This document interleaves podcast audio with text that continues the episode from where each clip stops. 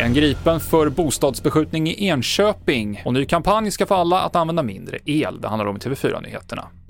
I torsdags kväll skadades en man och en kvinna i Enköping när någon sköt mot en bostad. Nu så har en person gripits och anhållits misstänkt för inblandning i mordförsöken, skriver polisen på sin hemsida.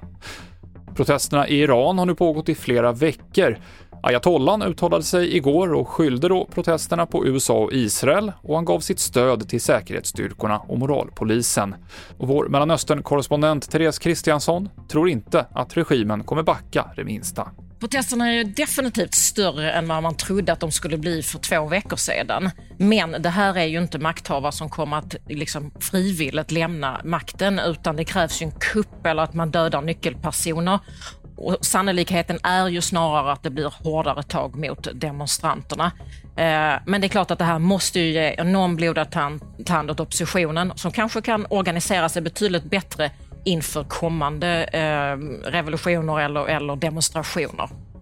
Många oroar sig för skenande elräkningar nu och undrar hur det ska bli i vinter. Och idag så lanserar Energimyndigheten en elsparkampanj med konkreta råd på vad alla kan göra för att använda mindre el. I Finland säger man snäppet svalare.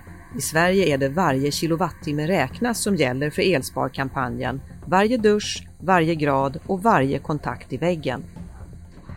Ja, utgångspunkten är att varje kilowattimme räknas.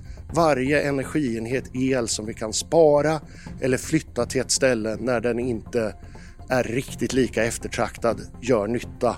Och gör vi det på många ställen samtidigt så kan vi få väldigt stor nytta för hela energisystemet, både i Sverige och till och med i Europa.